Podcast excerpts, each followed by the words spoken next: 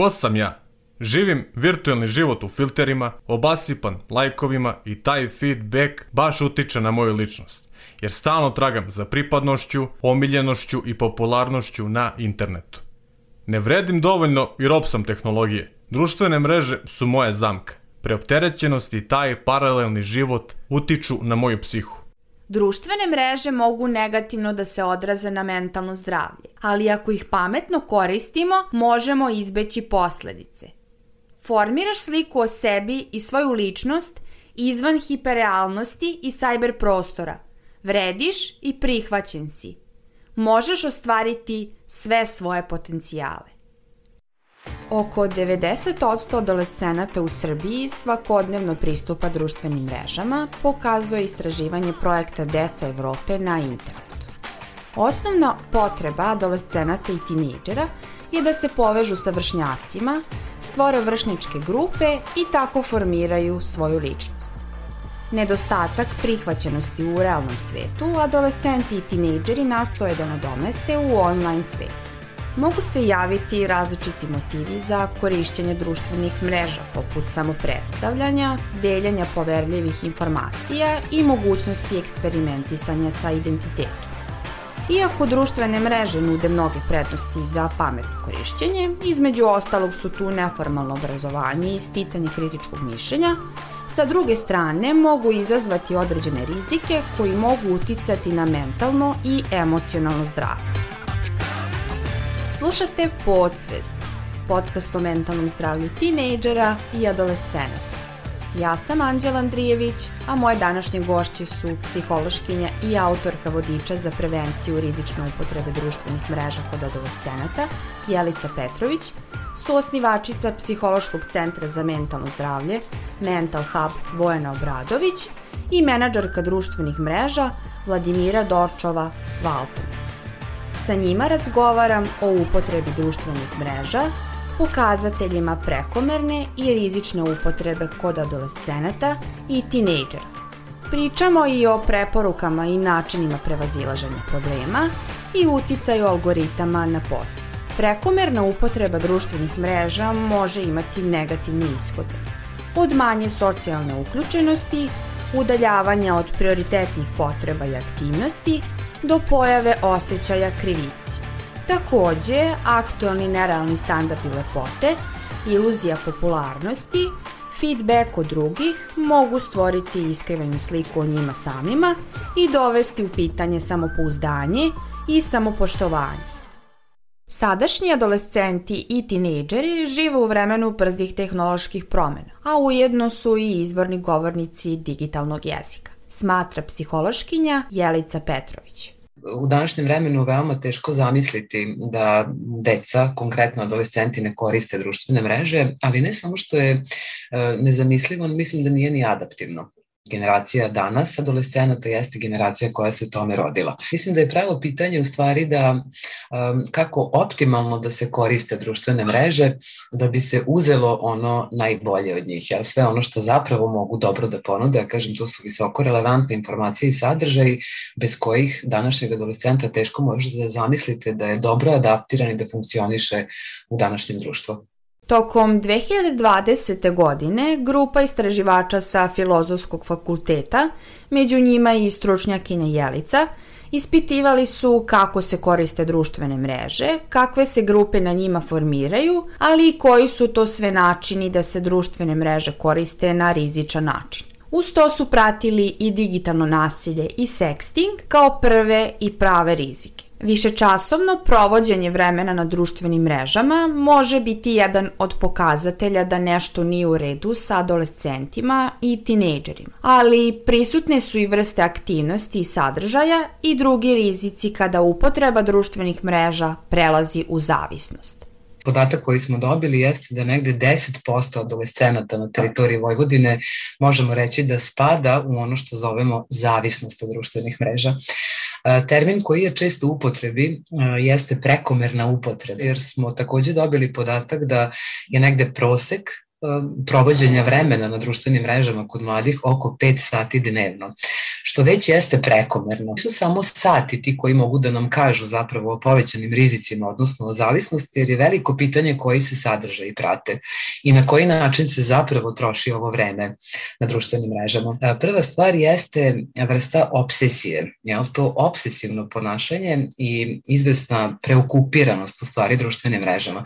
Šta to konkretno znači? To znači da i onda kada nisu na društvenim mrežama, ovi adolescenti zapravo razmišljaju o tome, jel, kada će zapravo opet biti prisutni, kada će opet biti online, da pokazuju simptome netrpeljivosti onog vremena kada nisu u stanju da budu na društvenim mrežama, jel, kada nema interneta, kada recimo nisu dostupni i slično, dakle tu pokazujem, vidimo u stvari znake koje možemo primetiti kao i u bilo kojoj drugoj zavisnosti. I ono što je dodatni indikator nama vrlo važan jeste da uh, unutar ovog ponašanja više nema kontrole. Dakle, kontrola koja podrazumeva neko planiranje i sobstveno ograničavanje. Dakle, ta vrsta kontrole da mogu da iskontrolišem, da imam moć nad samim sobom da se opredelim, odnosno odredim sebi koliko i na kojim društvenim mrežama sam aktivan, to u suštini nedostaje kada govorimo o zavisnosti. Dominantne motivacije za korišćenje društvenih mreža adolescentima jesu komunikacija, održavanje postojećih kontakata, stvaranje novih odnosa, zabava, kreiranje identiteta, odnosno stvarnog ja. Tu je naravno i prihvaćenost od strane vršnjaka i potvrda da su zaista vrednovana njihova interesovanja, hobiji i izgled. Psihološkinja Jelica smatra da su društvene mreže bliske adolescentima i tinejdžerima jer je to jedan brži način da predstave sebe i svoj profil i iskoriste mogućnost da sortiraju šta je ono što će ući u kreiranje digitalne samoprezentacije. Ali istraživanje je pokazalo da tu postoji rizik. Posjedovanje 6 do 10 naloga na različitim profilima društvene mreže danas, rekla bih, intenzivirale to iskustvo kreiranja identiteta u tom smislu što vi možete na društvenim mrežama da se poigravate sa izgradnjom identiteta, da eksperimentišete sa nekim fluidnim identitetima, možete da se predstavljate na različite načine, samo proveriti profile na 10 društvenih mreža već vam postaje jasno koliko to vremena zahteva samo provera, a gde je zapravo onaj deo koji je svima važan, a to je način na koji se predstavljaju. Koju muziku da odaberu, koju fotografiju da stave, kako se fotografija formatira, odnosno da li se ulepšava, filtrira i slično. Dakle, to su sve stvari koje um, doprinose, da kažem, toj prekomernoj upotrebi. Za to je potrebno ozbiljno vreme, kako bih rekla, i ozbiljno posvećivanje. Sem toga, na profilima ovih adolescenata uglavnom možemo i videti fotografije koje prvo lične fotografije koje su negde u prvi plan ističu naš izgled, dakle odnosno njihov izgled i malo toga što govori o nekim drugim vrednostima, malo toga što govori o njima samima, dakle to je nešto što ide kao da kažem, nekakav prvi utisak kao prodaja imidža, hajde tako da se izrazim, dakle, prodaje se neka slika o sebi, prodaje se nekakav imidž, a malo toga suštinski saznajemo o adolescentu. Oni jako mnogo i brižljivo se posvećuju zapravo ovome i jako razmišljaju o tome koje sadržaje zapravo dele. Jedan od motiva posezanja za društvenim mrežama je i lajkovanje. Psihološkinja Katarina Kačar u knjizi Cyber psihologija ističe pojam lajka kao ulogu prestiža, odnosno nagrade koja povećava vrednost slike o sebi, ali i borbu za većom omiljenošću, što je danas i prisutno kod adolescenata i tinejdžera. Psihološkinja Jelica smatra da taj feedback pratilaca lajkovima i komentarima može uticati na način na koji ovi uzrasti održavaju i grade sobstveno samopoštovanje i da se može javiti osjećaj nedovoljne vrednosti taj lajkoholizam, odnosno ta žeđ u stvari za spoljašnjom eksternom evaluacijom, za time da nam neko potvrdi u stvari neki naš, neko naše interesovanje, neki naš izgled, nešto što smo uradili ili slično, jeste veoma prisutno. Društvene mreže jesu po pravilu jedna arena za samo izražavanje. Omogućavaju da budete i visoko kreativni u personalizaciji sobstvenog profila. Mi tu zapravo izlažemo na, u jedan javni prostor jel, svoje interesovanja, svoje hobije, svoje stavove i tražimo potvrdu od strane vršničke grupe. E tu zapravo dolazimo do značenja lajka, jer um, samo lajkovanje je u suštini potvrda nečega, da se nekome dopada to što jeste ili to e, što radite. Mnogo brže dobijete feedback od socijalnog ogledala, dakle onaj koji vam je neophodan, ali dolazimo do problema ako nam je zapravo taj lajk jedino što gradi i održava naše samopoštovanje. Ukoliko se negde oslonimo samo na tuđe mišljenje i ako svoje samopoštovanje baziramo na tuđem mišljenju, ako smo na to naučeni i pre aktivnosti na društvenim mrežama, dakle kada nam je to jedini izvor validacije, broj lajkova, onda govorimo o e, problemu u vezi samopoštovanja.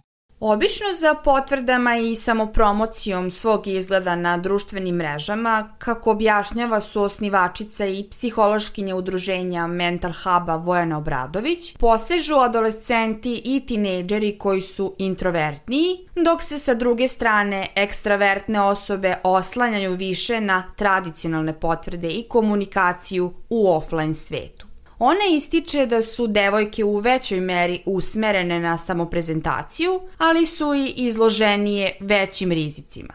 Velikim delom zavisi zbog čega ta konkretna osoba koristi društvenu mrežu, koji je njen motiv, koje su njene određene lične karakteristike i potrebe, samim tim će da se i razlikuje uh, sam ishod koliko će neko lajkovanje i komentarisanje njihovog sadržaja biti bitno i kakav će efekat da ostavi na njih i posledicu na, neke, na neko njihovo blagostanje i neke indikatore mentalnog zdravlja.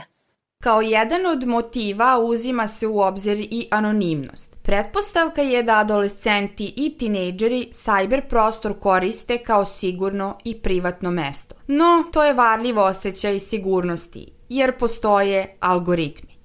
Menadžerka socijalnih mreža Vladimira Dorčova-Valtner ističe da je sajber prostor javan i da zapravo svi koji posjeduju naloge na društvenim mrežama imaju svoje jedinstvene algoritme, odnosno feed algoritme. Ona objašnjava da algoritmi koriste mašinsko učenje kako bi predvideli koje objave nam se sviđaju da bi iste prikazivali na feedu.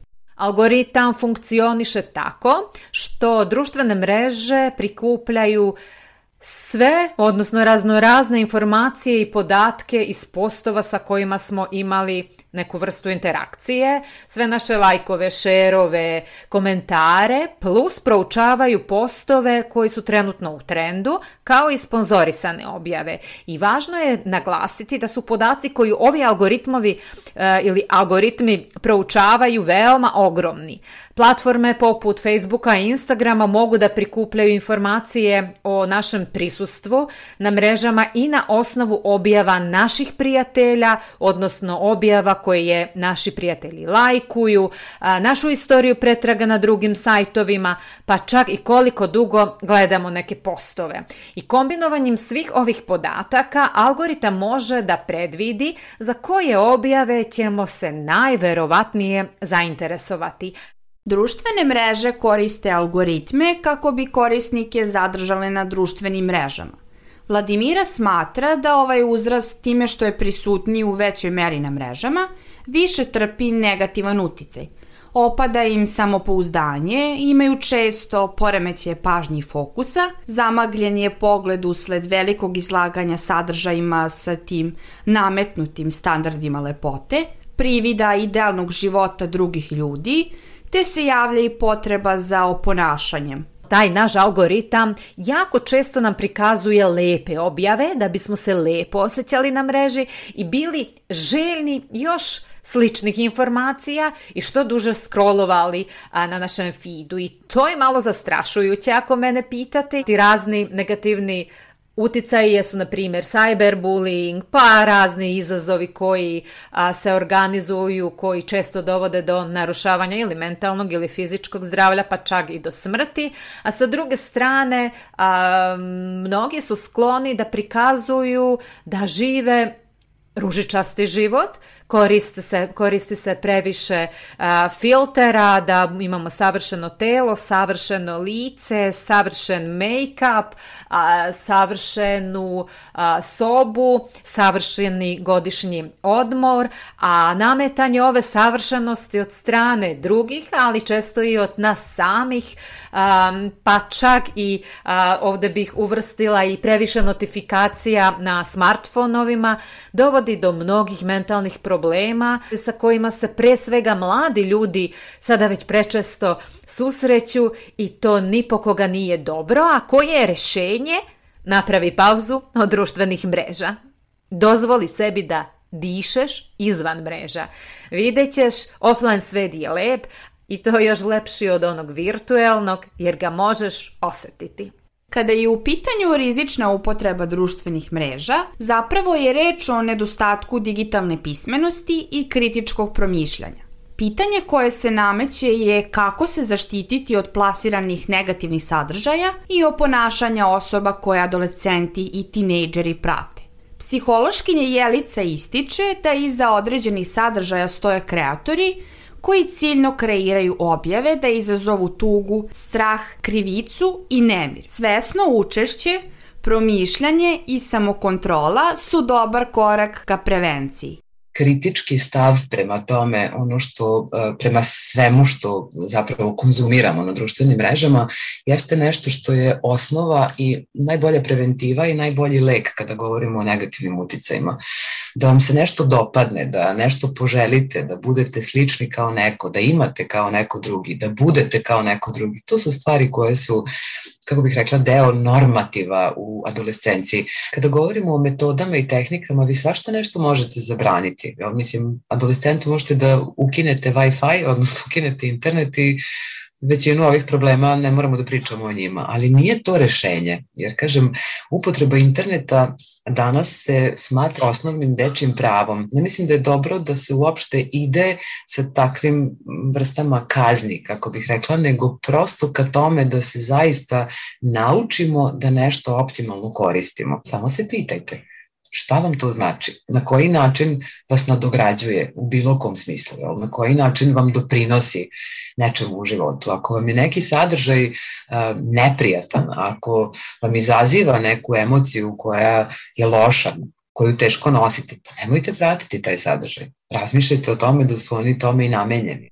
Posledica prekomerne upotrebe društvenih mreža je mnogo. Tu su loša slika o sebi i nisko samopoštovanje, zanemarivanje socijalnih kontakata, gomilanje negativnih emocija, osjećaja bespomoćnosti, preopterećenosti, nervoze i teskobe pa čak i intenzivni strah da će se nešto propustiti na društvenim mrežama, sve do impulsivnog ponašanja. Psihološkinja Jelica smatra da je pitanje samokontrole presudno, da li će ponašanje na internetu da postane zavisno i da je pravljanje balansa između online i offline sveta najbolja preventiva kada društvena mreža, odnosno aktivnost na njima, postane jedino što znam da radim kada se susretnem sa nekom svojom negativnom emocijom, bilo da je to krivica, strah, nemir, depresivni afekti, ako je to jedini način u stvari da ih izbegnem, onda to možemo da nazovemo problemom. Nisu same društvene mreže odgovorne ili krive za neke poremećaje nisu krive za nastanak depresivnosti, pokušaj suicida ili izvršenja njegovo ili uopšte za rizične ponašanja. One mogu da pojačaju neke predispozicije i u tom smislu kada govorimo o prekomernoj upotrebi društvenih mreža, da, ona jeste put ka zavisnosti i održavanje tog balansa između prekomerne upotrebe i zavisnosti od društvenih mreža je jako važan problem, da kažem, i za adolescenta i za roditelja. Nikome nam nije prijatno da dobijemo dislike ili neki negativni komentar, ali način na koji se borimo sa negativnim komentarima, da li to delimo sa nekim značajnim drugima, da li imamo načina u stvari da to promišljamo i da li imamo nekakav drugi izvor koji govori suprotno, jer ta vrsta balansa mislim da je jako važna i da je najbolja moguća preventiva za različite emocionalne poremećaje pre svega. Instagram je dominantnija socijalna mreža gde adolescenti i tinejdžeri provode više sati. Ono što psihološkinja Vojana ističe kao važno kod Instagrama je da postoje napori da se ove uzrasne grupe zaštite, da postoje karakteristike koje ukazuju i podsjećaju kada su koristili društvene mreže preko nekog vremenskog limita. Potpuna zabrana nije rešenje, već je potrebna optimalna i svesna upotreba. Instagram aktivno radi na nekom unapređenju standarda za zaštitu adolescenata i da je uveo neke nove karakteristike koje će doprineti tome da adolescenti na društvenoj mreži koju koriste konkretno je ovo u pitanju Instagram, budu zaštićeni i sigurni i gde se zapravo na neki način misli uh, o njihovoj uh, upotrebi društvenih mreža. Takođe, Nedavno sam primetila uh, da kada se ukuca uh, hashtag na Instagramu self-harm, uh, ima upozorenje da je uznemiravajući sadržaj, Instagram ne dopušta da se pristupi, što takođe pre nije postojalo. Nije rešenje tako nešto u potpunosti zabraniti, jer je prosto integralni deo života svih nas i mislim da je potrebno naći neki balans kako živeti sa tim, a da nas ne ometa. Da ne postane nešto što je uh, previše, da kažem, kao da prelazi sve granice i ulazi u sve sfere života, već više da bude negde ograničeno, što je pretpostavka da će samim tim pozitivno i da utiče na adolescente.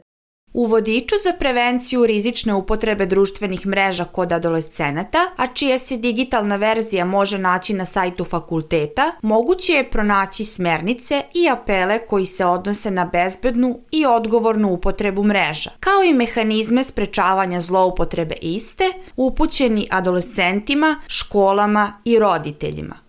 Ono što je psihološkinja Jelica ističe kao važno, a u čemu će ovoj osetljivoj grupi i vodič pomoći, jeste to svesno promišljanje, a ne okretanje izbegavačkom ponašanju kada se javi problem. Mislim da je za kraj važno istaći rečenicu sagovornice Vladimire. Napravi pauzu od društvenih mreža. Dozvoli sebi da dišeš izvan mreža. Videćeš, offline svet je lep, još lepši od onog virtualnog, jer ga možeš osetiti. Slušali ste Podsvest. Moje ime je Anđela Andrijević.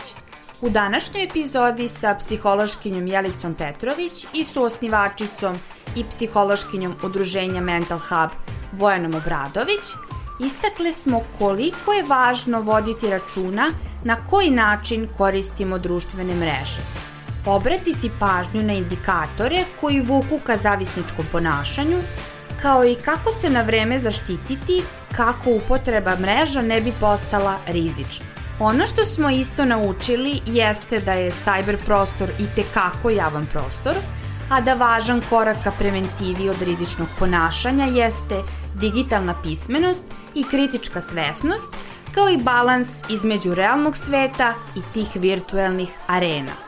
Podsvest možete slušati na Sounder FM-u, Podcast RS-u, Google Podcastu i Spotify-u. Do sledećeg osluškivanja podsvesti razmislite da li vam je zaista potrebna validacija vaše vrednosti i izgleda u virtualnom svetu. Koji sadržaj proširavaju vašu ličnost i potencijale i da li je vreme provedeno na društvenim mrežama konstruktivno ili ste samo izgubili kompas samokontrole.